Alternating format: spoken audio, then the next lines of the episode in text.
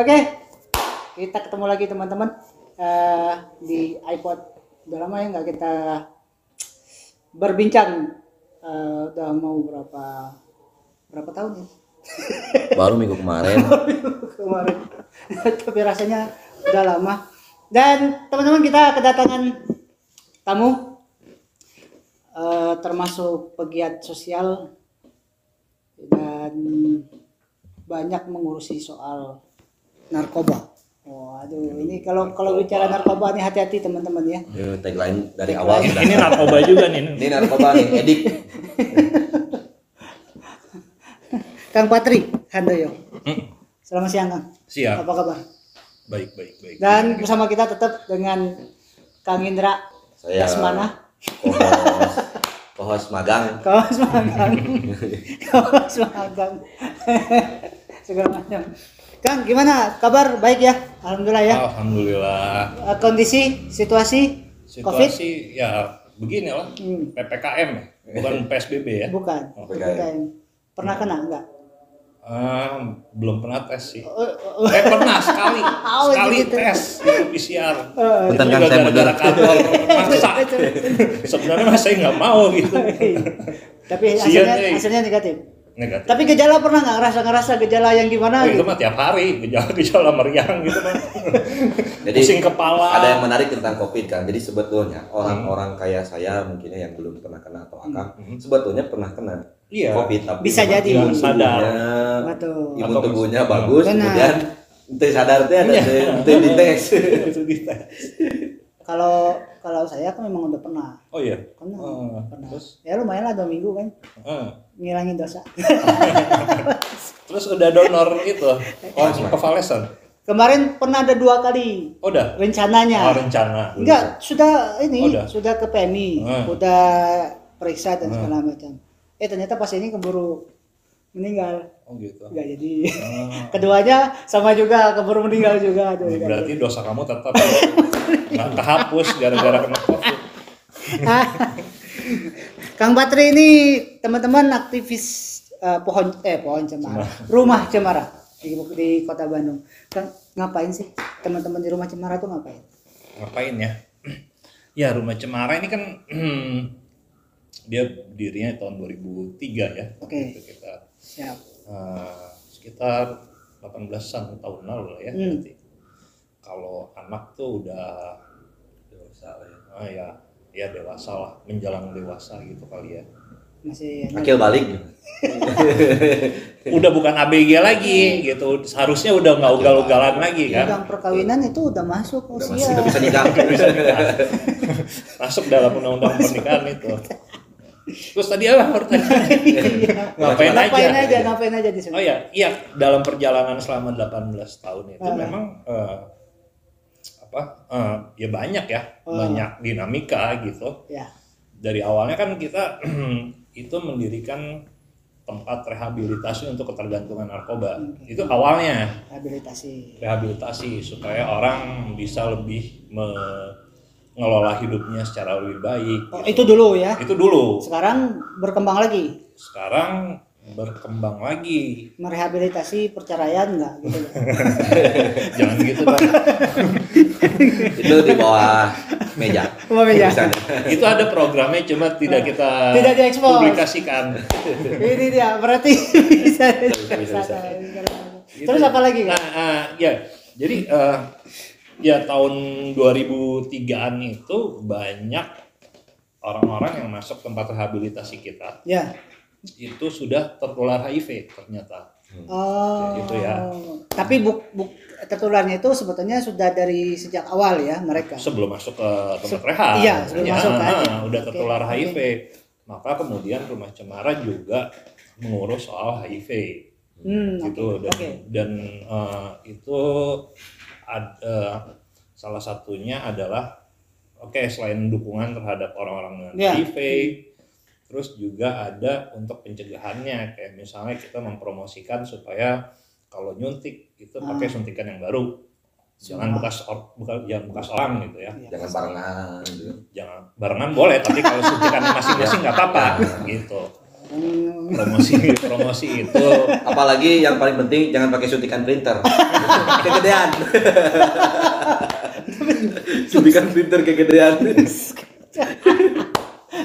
ya itu itu itu dipromosikan juga kemudian eh, kan bekerja sama sama eh, apa komisi penanggulangan AIDS ya waktu itu eh, untuk menyediakan suntikan steril kemudian ya alat-alat pencegahan HIV kondom itu di puskesmas puskesmas Kan selama 18 tahun ini dukungan yang paling besar itu dari mana? Aduh ini dapur ini mah Ya nggak apa-apa lah kita nyari-nyari kan. Inisial aja inisial inisial. sebenarnya dukungan yang paling banyak itu dari teman-teman komunitas itu yang paling Itu ya. dirasa besar Termasuk gitu. dari alumni yang dulu pernah mungkin. betul Hmm. betul itu itu yang paling besar jadi eh, oke kita ada ya beberapa misalnya Ya, dona- biasa lah, betul, donatur betul, gitu ya betul, iya. donatur tapi maksudnya eh, komunitas ini yang yang kemudian membuat kami tetap eksis gitu ya sampai Betul. saat ini. Ya, gitu. Jadi ya eh, kami tidak art- artinya gini ya eh, di Bandung ini ada ada komunitas ada komunitas yang konsumsi narkoba kemudian ada yang HIV Iya.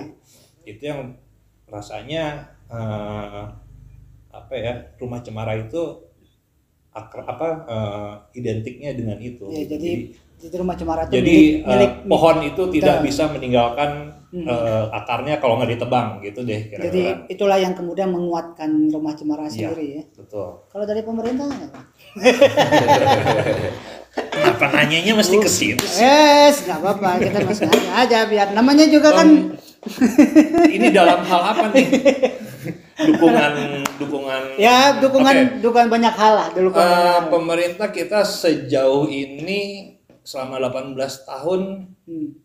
eh, ada tapi sangat minim. Waktu itu ini Gak apa-apa Waktu- terserang aja nggak apa-apa waktu itu gara-gara eh, Kementerian Sosial ya kalau nggak Ah, salah itu oke. punya program untuk pasien-pasien Pasien, yang ya. ketergantungan narkoba.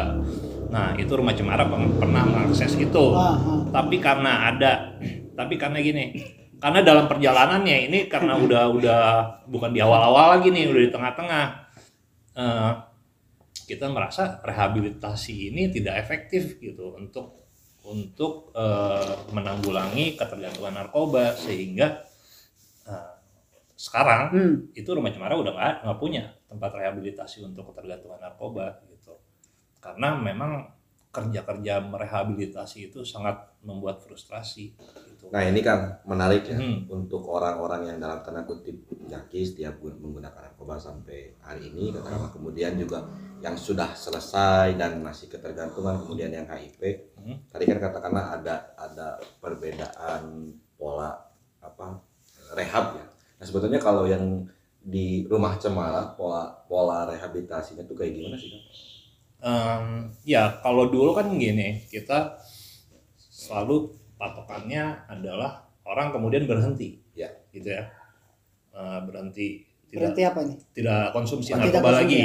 Oh. gitu. Tapi kan eh, dalam perjalanannya orang-orang yang masuk rehab di rumah cemara Hmm. selesai program, Iya. keluar pakai lagi, lagi. pakai lagi. Dan itu nggak terjadi di rumah cemara gitu. Iya. Dan itu banyak ya? Itu- Maksudnya sering dia setelah keluar dari cemara? Iya, iya itu itu anu lagi, balik lagi. balik lagi pakai.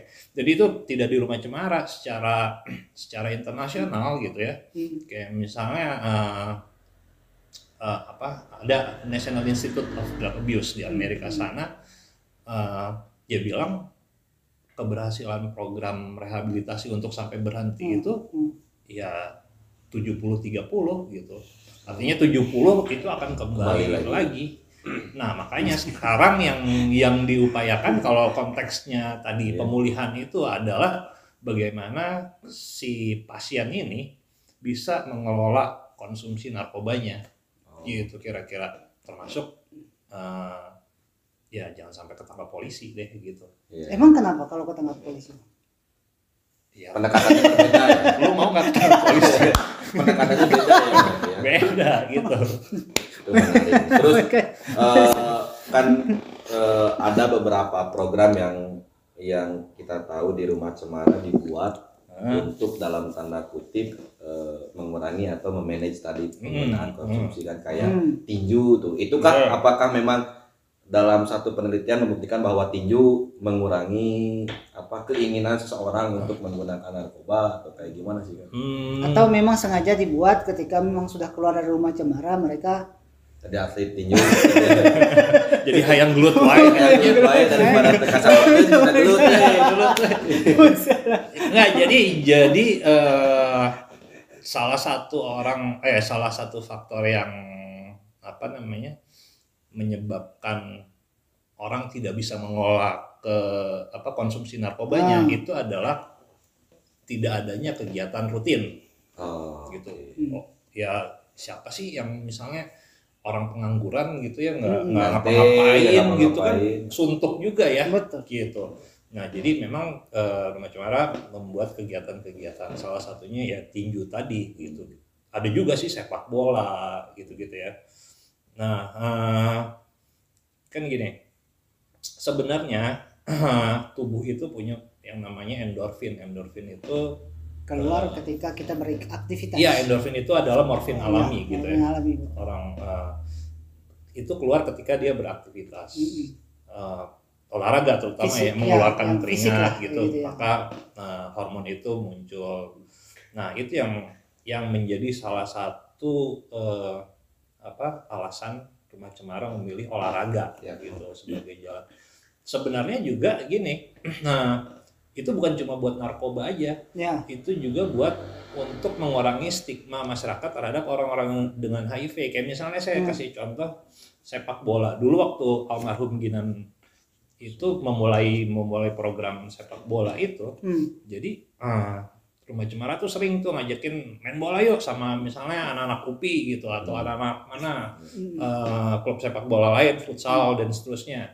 Setelah main bola bareng Hmm. gitu mereka kita undang ke sekretariat Hmm. gitu ngobrol-ngobrol eh tahu nggak eh, kalian tadi tuh main sama orang-orang yang HIV loh gitu Hmm. kita kan bersentuhan nih gitu ada keringat ada dan seterusnya nah dari situ jadi ada Oh, ada Ah, edukasi. ada dialog eh, jadi karena nggak nggak hanya olahraganya Betul. tapi juga dialog Iya. untuk ngurangin stigma itu oh karena ternyata untuk orang-orang yang nggak tahu kan HIV itu nakutin. menakutin gitu. iya kan sentuhan takut betul betul apa, betul, padahal betul. kan selama Padahal ada kan nggak segampang itu, ya. heeh, nggak Iya. segampang itu kan cuma hubungan kelamin tanpa perlindungan gitu ya, atau suntik gigi. enggak? Eh maksudnya yang berdarah, ada darah. Ya ya misalnya. ya mau berhubungan dengan kan Eh. hanya misalnya eh, dari cairan kelamin, Cairan betul. eh, darah Suntik darah sama eh, air susu betul. ibu, ibu, iya, gitu betul. melahirkan udah itu aja. Jadi kayak misalnya sama-sama berkeringat kita bersentuhan itu nggak akan tertular HIV ya. juga bersin gitu. Iya. Biasa aja kan. Heeh. lebih bahaya covid berartinya Iyalah pasti itu. covid mah bersih Lebih gampang. Kena kena tiga hari selesai. tiga hari belum tentu juga lewat eh, apa belum tentu juga bertahan dua minggu Betul. banyak yang belum dua minggu lewat Nyumpain gua lah gua Kan mas bagian dari yang bertahan penyintasnya. penyintas Ada penyintas korupsi sekarang. nah ini menarik mas tahu nggak rumah cemara itu dulu ada homeless football world cup Hmm, hmm. di Prancis ya? itu itu acaranya setiap tahun Setiap dan tahun itu ya? eh, berganti juara dulu di Perancis.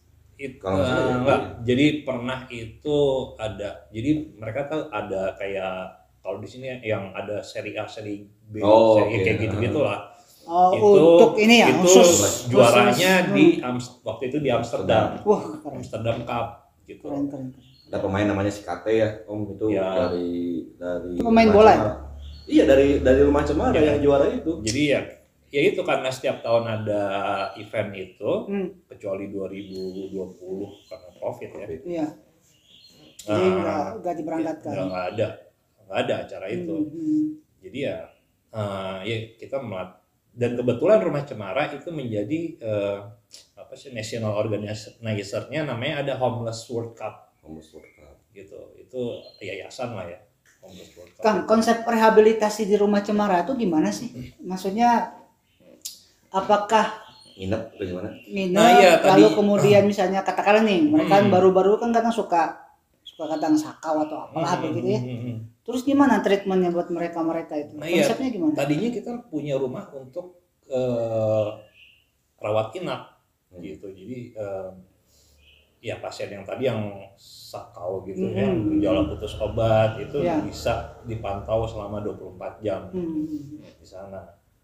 Nah, ya tapi ya tadi saya bilang eh, perkembangannya ternyata rumah cemara itu berkembang bukan hanya sekedar tidak- narkoba tidak. kan apa namanya eh, konsep rehabilitasi itu yang gini gini.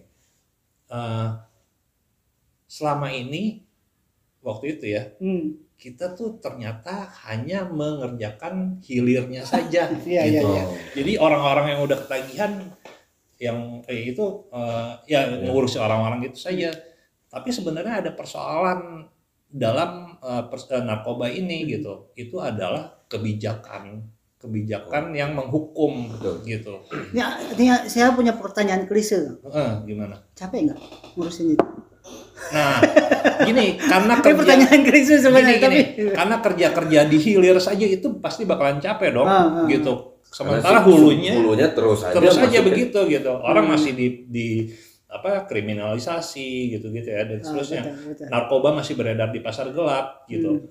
nah maka kemudian saat ini rumah cemara berupaya melakukan kerja-kerja untuk eh, mengubah si undang-undang narkotika itu kebijakannya yang Oh. dirubah ya. kebijakannya yang diubah supaya misalnya, misalnya apa misalnya apa Gini. yang mau diubah misalnya eh, orang yang bawa eh, yang memiliki ganja Ah, untuk konsumsi pribadi ya itu nggak usah dipenjara lah gitu. oh oke oke Toh penjara udah penuh, udah Betul, kapasitasnya udah betul. berlebih apa? Ya, ya gitu. direhab aja lah atau apa begitu kan selama Iya. memang dia tidak tidak Nah, mengedarkan begitu Betul, maksudnya. ha, seperti itulah. Jadi ya untuk kepen- untuk konsumsi pribadi, pribadi ya udah eh, maksudnya nggak usah ada proses pidana gitu. kecuali kalau dia melakukan hal-hal lain di luar itu ya kan katakanlah dia katakanlah dia mengedarkan, mengedarkan, mengedarkan gitu. kemudian atau nyuri Nah, gitu. tapi juga lebih dari itu, kami juga pengen supaya narkoba itu yang ngelola itu negara enggak Ra. gitu. Gi- gimana maksudnya tuh Jadi misalnya gini, eh, ganja, oke oke, Ah. Indonesia Aceh eh, terkenal dong akan ganjanya, Betul. ya nggak sih? Nah selama ini sih siapa yang ngelola sih? Aceh oknum yang ngelola siapa? Penjahat, iya penjahat gitu. Kenapa nggak itu dikelola oleh kok negara? nunjuk ke gua bagian dari penjahatnya Ya itu itu eh, tidak sekedar dekrim- dekriminalisasi eh, untuk orang-orangnya, Hmm. tapi juga negara mengelola itu. Jadi Ma- maksudnya negara mengelola itu gimana Kang maksudnya apakah kemudian katakanlah kebunnya dipelihara oleh negara atau Iya. gimana secara sederhana Eh, seperti itu ya. bikin PTPN PTPN Secara sederhana seperti itu. PTPN karena berarti PTPN dengan- 15 PTPN 15 dengan begitu negara bisa mengontrol peredaran Bisa mengontrol ya, peredarannya. terus kepantau ke mana ke mana Iya, ke mananya betul. ya. Eh, Daripada sekarang kan siapa saja bisa me- apa memperjualbelikan itu, siapa saja bisa mengonsumsi itu termasuk anak-anak gitu asal punya uang. Artinya kalau negara Gitu. sudah kelola itu, Mhm. katakanlah jadi jadi semacam unit usaha begitu misalnya Mhm, atau mhm, apalah terserah ya mhm, begitu ya. mhm. Jadi orang nggak bisa cawe-cawe lah ke situ. Karena in- lah. in- Impact bisa, sebetulnya- karena memang udah itu ada ad- eh, apa namanya? Karena sudah dikelola negara, Hmm. maka motif profit dari eh, apa namanya peredaran narkoba itu udah nggak ada gitu. karena sebetulnya zat-zat yang terkandung dalam ganja katakanlah itu Hmm. digunakan untuk medis itu banyak ya kan Banyak, banyak, itu Ya, banyak. itu. Itu. kalau dari segi medis, belum Ya. lagi misalnya, ya, misalnya ganja dulu itu dulu sebelum ditemukannya serat sintetis polyester itu itu ganja. benang, tali pakaian itu itu ganja itu. serat Di- ganja oh, yang di Amerika ada ada beberapa produk gitu ya apa eh, sepatu yang gitu gitu itu pakai serat ganja Iya, Dan itu mahal kan? enggak, enggak dong. Enggak, enggak, enggak. itu karena. Gini, ga- eh, jadi ngomongin ganja nggak apa-apa ya. Iya apa? apa-apa. Ah, Eh, Ya, anu. ganja, ganja itu eh, ini sejarah di Indonesia-nya ya. Itu didatangkan sama penjajah Belanda dulu ke Aceh. Itu sebenarnya untuk menghalau hama tanaman kopi. Nah.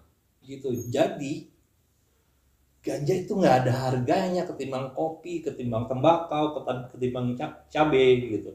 Maka eh, ketika ganja ini menjadi digolongkan sebagai obat terlarang, Ya. gitu, Terus Yang susah, terjadi adalah keluar.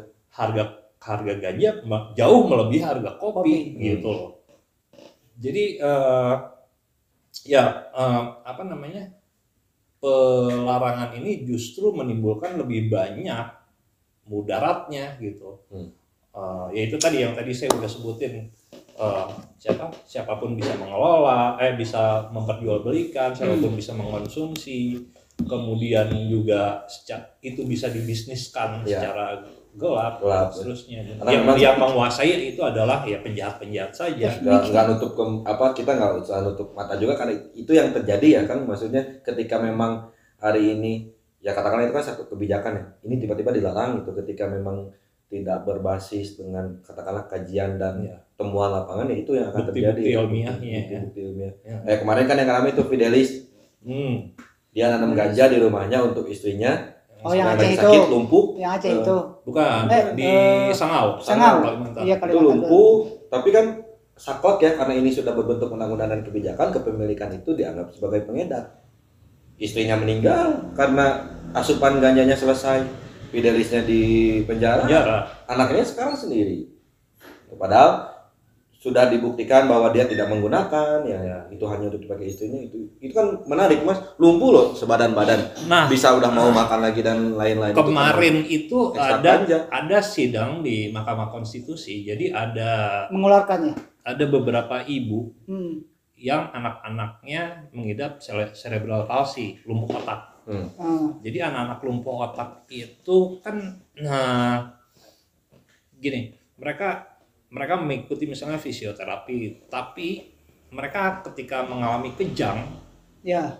itu semua yang sudah dilakukan setelah fisioterapi itu hilang. Jadi mulai dari nol Nol lagi. lagi Nah, kejang itu berlangsungnya nggak sehari sekali gitu. Bisa berkali-kali. Bisa berkali-kali dan itu kan nah it- eh, ganja itu sudah banyak digunakan untuk mengatasi kondisi seperti itu.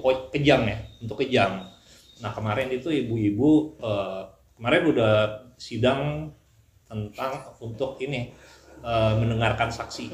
Mendengarkan saksi dari pemohon gitu. Jadi eh, mudah-mudahan lah Ya, ya. ganja ini bisa dimanfaatkan untuk pengobatan di Indonesia. Itu berarti yang diprioritasin dulu ya Tapi yang yang penting kan yang penting kan tidak di luar batas. Itu yang sebetulnya Kang ya. Wah, kalau minum kopi maksudnya juga di luar batas gimana Iya, maksudnya eh eh, penggunaan berlebihan penggunaan mungkin. berlebihan lah Hmm. gitu. Tapi memang kalau buat pengobatan itu Hmm. mungkin bisa jadi salah satu betul negara bisa mengexcuse itulah kira lebih begitu kan. ya minimal minimalnya gitu dulu ya Kang ya maksudnya untuk iya. Tapi memang untuk untuk kesehatan. hal-hal dalam, dalam Untuk kesehatan, kesehatan. mah minimal di di oke lah gitu karena Ya kayak morfin kan di kedokteran boleh. iya betul Betul. itu dia Tapi kan nggak nggak yang nggak di luar batas yang misalnya ya itu dia kasih 0,1 nah gram. seperti seperti morfin itu Hmm. itu kan yang memproduksi siapa BUMN Hmm. Nah, ya kan Hmm. eh, apa kimia farma sebut lah Hmm. gitu BUMN negara Hmm. nah morfin itu ada yang namanya harga eceran tertinggi ya dong di Ya. setiap ya obat itu kan betul. ada ya, Betul. Jadi- tinggi, terendah jadi orang yang menjual di atas harga eceran itu Itu itu, bisa, bisa kena kena. sanksi Hmm. gitu itu eh, maksudnya konsep pengelolaan negara tuh seperti itu jadi gitu ya. tempatnya jelas di mana gitu siapa yang boleh mengeluarkan siapa yang boleh mengonsumsi itu konsepnya Ya memang memang kalau sudah masuk dalam dalam pembicaraan negara yang harus berperan ya memang benar sih. Iya. Tapi kan problemnya di negara sendiri banyak oknum. Kan untuk kalau mungkin Eh, benar kan, ya, Benar kan? Ya negara jangan kan nunjuk saya dong kalau ngomongin oknum Kan benar kan? Jadi kalau harusnya ya mungkin kan berarti ketika kita berbicara dalam tanda kutip penyalahgunaan obat itu atau apa ganja dan lain-lain itu harusnya kalaupun mau di dalam tanda kutip disangsikan itu impact pasca itu ya kan kalau memang impactnya merusak katakanlah atau dia- gini banyak di negara-negara di Eropa itu eh, ya misalnya Belanda deh gitu. Hmm. Ya. dia eh, menggunakan narkoba itu tadi udah ada batas-batasnya Ya. memberikan sekian tidak Belanda di- lah misalnya betul ya. sebenarnya eh, kayak gitu Hmm. nah yang dipermasalahkan adalah ketika dia mengganggu kepentingan umum gitu Ya, itu. itu yang kalau misalnya dia udah mulai rese itu yang yang Iya. yang pasal yang dikenakan adalah karena dia rese Bikin gitu. resenya bukan karena kepemilikan narkoba itu, narkobanya ya. gitu. Kalau dia mulai rese, mulai tuh boxing Karena kan kita yang katakanlah kan eh, kan kayak minuman beralkohol ya katakanlah Hmm. kita meskipun hari ini sudah diundang-undangkan nggak boleh dilarang dan lain-lain tapi kan di di lapangan tetap Betul, banyak betul. yang minum-minum. Betul. Itu kan saya dia plus, dia plus. lebih Alkohol. lebih lebih alkohol Terus juga ya gitu. alkohol juga kan di, eh, sempat ramai tuh yang oplosan Hmm. oplosan itu kan itu salah satu fenomena eh, saat daerah-daerah itu mengeluarkan perda tentang minuman beralkohol jadi perda-perda itu isinya eh, adalah gini alkohol hanya boleh bisa dijual di hotel berbintang Hmm. Bar restoran Ya. bertanda bertanda lah ya Hmm. dan itu harganya tentu mahal tinggi ya. banget. Betul. itu mahal banget Iya. gitu sementara alkohol itu udah dikonsumsi sama masyarakat udah ribuan tahun Betul. gitu di di sini jadi ketika itu aksesnya dipersulit bahkan dipermahal maka orang-orang nyari opsi lain. itu adalah ya ngeracik sendiri lah gitu dan itu menjadi pasar juga kan dioplos oplosan bahkan ya ya kemudian eh, apa bahan bakunya itu tidak tidak lagi terawasi gitu mereka membuat tanpa pengawasan dari Oh. badan pom Pakai obat nyamuk loh ya, pakai apa, ya? Apa? Pakai air tajin. Nyamuk aja mati. Pakai air tajin. yang gitu-gitu kan nah ini maksudnya bentuk salah satu ini ya maksudnya kemelut atau benang kusut dari narkoba ya kenapa pada akhirnya sampai sekarang tuh kan sebenarnya nggak kusut sih Tapi lurus-lurus aja ya cuman Tapi kusut benangnya kuat tapi di tapi di Boleh kusut-kusutin dibilang- ya. Nah, enggak enggak Dikusut-kusutin. dikusut-kusutin Oh. benangnya lurus cuman kuat nggak bisa dipotong gitu sebenarnya udah jelas tapi karena eh, paradigma paradigma penegak hukum atau aparat di Indonesia Ah. itu adalah menghukum ya gitu. Maka yang terjadi adalah maka yang terjadi adalah pasar gelap tadi gitu Oh. padahal kan hukuman itu kan sebetulnya kayak kayak, misalnya yang tadi deh contohnya alkohol itu itu kan gini paradigmanya adalah lu kalau minum alkohol apalagi ya kalau minum alkohol itu bakalan eh, apa namanya merusak kesehatan Ya. sama kayak gitu. Kemudian eh, dari Merusak sisi otak. yang yang lain itu eh, bakalan menimbulkan banyak masalah kenakalan remaja dan seterusnya dan seterusnya gitu. Nah maka itu kemudian dibatasi. Tapi yang terjadi ya itu tadi eh, si mudaratnya jadi lebih banyak gitu Hmm. si dampak buruknya sebenarnya kalau minum minum minuman alkohol itu Mhm.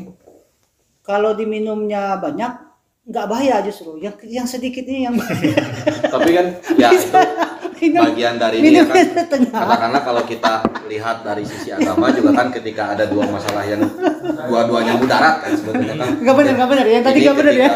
Apa katakanlah di negara yang yang negara yang kelola juga bukan berarti tanpa Bukan, mudarat ya. pasti ada ada aja Ada. mudarat. Tapi Ada. kalaupun negara tidak mengelola itu mudaratnya lebih gede kan kita Lebih harus pilih yang mudaratnya lebih kecil. Bukan nggak mas kalau di agama bukan ini gitu? maksudnya ini ini.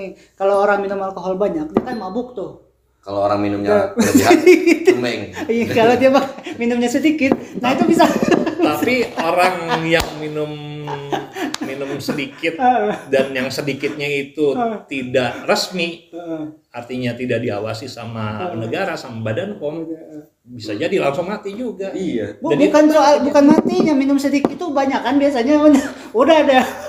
Keliling-keliling. Keliling-keliling. Petanda jangan petanda petanda gitu loh kang maksudnya. Efek-efek yang gitu-gitunya. Nah itu itu stigma. Minum sedikit itu stigma gitu. Belum tentu semua orang yang minum alkohol sedikit akan petanteng-petenteng iya benar benar benar. Kalau kalau kayak gitu pandangannya Berarti- udah aja tutup semua bar gitu. Banyak sekarang juga yang nggak mabok tapi tetap penting Iya, eh teman lebih nyusahin dan lebih eh teman ngeselin lagi kan? Karena ya memang menarik juga ya permasalahan narkoba ini kan sebetulnya ya balik lagi tadi memang benar harus ada pengelolaan yang benar ya kan karena kalau selama pengelolaannya nggak benar ya sampai kapan pun dalam tanda kutip ya apa ini lingkaran setan itu jalan terus. Enggak, tapi kan masalahnya giniin. Eh, Kang, Gimana gimana? kalau negara disuruh mengelola itu, Hmm. ya apa untungnya buat negara? Nah, sebenarnya gini, eh nggak negara nggak usah cari untung dari itu. Ya maksudnya begini. Tapi gini yang sekarang terjadi Nah, ya kan ini dilarang. mm, Ketika ada orang ketahuan memiliki itu, mm, dia masuk penjara. ya Yang bayar yang bayarin dia di penjara siapa? negara, Ya banyak pengeluaran. Operasi-operasi pemberantasan. Memotong kerugian itu. Operasi-operasi pemberantasan, misalnya orang Ya, apa, betul, polisi datang betul. ke Aceh bisa- ngebakar ganja, berapa bisa biayanya jutaan gitu. memang, betul. Terus in- apa intersepsi inter- apa pemeriksaan-pemeriksaan di batas-batas negara itu berapa biayanya gitu untuk Tapi kan buat memelihara itu juga negara butuh biaya, Kang. Misalnya katakanlah Memelihara- tadi misalnya, memelihara ganja butuh biaya. iya kan kebun misalnya buat dipelihara dan segala macam, tapi produksinya bukan nggak diapa-apain misalnya, cuma buat dijual. Apa harus dijual juga? Kan nggak mungkin juga banyak negara juga nggak mau kan? Maksudnya gimana? ya misal kayak tadi negara kayak PTPN lah modelnya oke. begitunya. Ah, ah. PTPN gitu mengelola sebuah tempat gitu. Eh, pokoknya semuanya dikelola negara. Lalu barang di situ itu diapain? Siapa tahu bisa jadi Mau barang ekspor. Nah, ya itu kan ya, tapi kan banyak negara nggak mau gimana mau dijual gimana banyak Wih. negara akhirnya Banyak masuk negara- masuk ini Oh. secara resmi banyak daerah nggak mau dengan konteks itu kan masuknya akhirnya ke pasar gelap juga kan Enggak. Jadi gini, ketika dia eh, apa namanya? itu tidak lagi menjadi barang terlarang oke gitu. Hmm. Yang pertama tadi yang apa namanya? beban negara untuk memberantas itu berkurang. Kurang. oke Gitu. Hmm. Kemudian si ganja ini kan punya khasiat-khasiat juga. Tadi ada saya sebut medis, Ya, terus juga Betul. untuk pakaian. betul Itu kan bisa digunakan bisa untuk digunakan. itu. Kalaupun memang tidak mau Tidak dikelola mau di- dalam bentuk dalam tanda Iya. ganja Ya, pure untuk, gitu eh, ya. untuk diekspor gitu ya. Hmm. itu bisa digunakan di dalam negeri bahkan bahkan eh, ganja itu disebut-sebut sebagai tanaman masa depan karena dia bisa eh, ini menjadi biofuel gitu Eh, apa sih Biofuel. Bahan bakar. Bahan bakar. bahan bakar bahan bakar pengganti bensin yang sekarang Nah, gitu berarti banyak. nah kan banyak. daripada nanam sawit misalnya sawit kita tahu ya Ya, itu nanti sawit kita tahu itu eh, mobil nggak mabuk itu ini paling agak agak goyang Gini, sawit kita tahu eh, itu tanaman yang sangat merusak ekosistem. betul betul itu Ya kan? setuju setuju Betul. banget betul Ganja itu justru eh, tidak tidak merusak itu gitu, malah Hmm. memperkuat kayak misalnya ya Tadi menghalau di hama tanaman kopi, ya kan. eh, eh, yang kayak gitu-gitu dan Iya, iya. penanamannya pun tidak apa tidak membutuhkan perawatan yang yang Hmm. mahal. tinggal di Enggak, enggak kayak janda bolong lah. Harusnya harus tiap hari jam berapa disemprot Siram. enggak usah. Itu pegangnya. siramnya Iya. ini mah tinggal biarin aja tumbuh sendiri Jadi itu gitu kenapa di Aceh juga kan Hmm.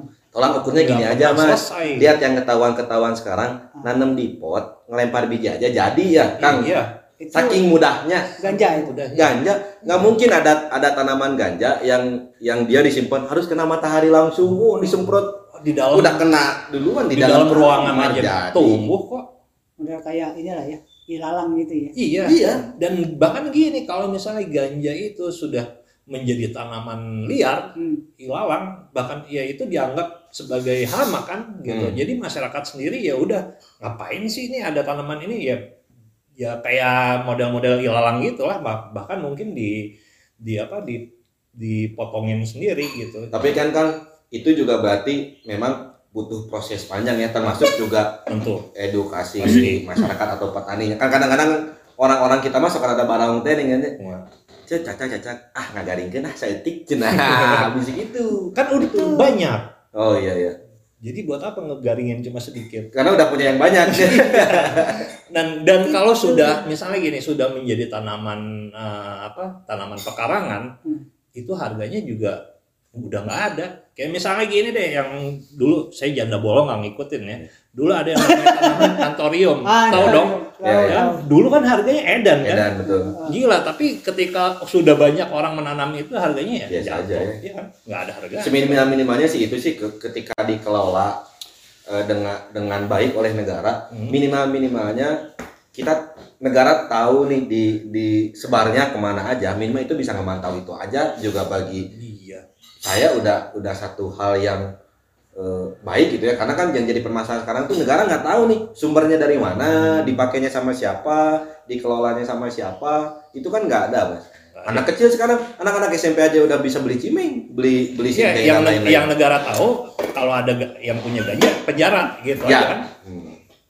Gitu. jadi kayak kayak nunggu jadinya kan udah aja tunggu aja nanti siapa yang bawa siapa yang ketahuan udah itu yang akan ditangkap gitu tapi yang yang besar besarnya mah dalam tanda kutip penjahat penjahatnya mah diam aja orang yang kena yang kecil kecilnya kok ya masih masih ini aja sih tapi gimana cara negara melakukan pengolahan itu? Karena bagaimanapun kan eh, kalau ingin ingin negara kan nggak mungkin cuma satu dua hektar itu kan paham? Ah, Modelnya kan yang, gitu ya? yang saya maksud dengan pengelolaan itu Ah. tidak harus negara punya kebun, enggak nggak harus. nah terus Bisa aja rakyat punya kebun sendiri. oh rakyat Heeh. tapi kemudian dikontrol oleh negara oh iya, tentu. Berarti yang siapa saja jadi yang permasalahan sekarang tuh gitu. masalah stigmanya aja ya kayak masih dalam Oh. pemikiran atau stigma bahwa ya udah ganja itu barang terlarang titik gitu. Nah, terus itu, itu yang seandainya jadi kalau masalahnya. kalau kemudian yang petaninya itu yang Mhm. menggunakan Mhm.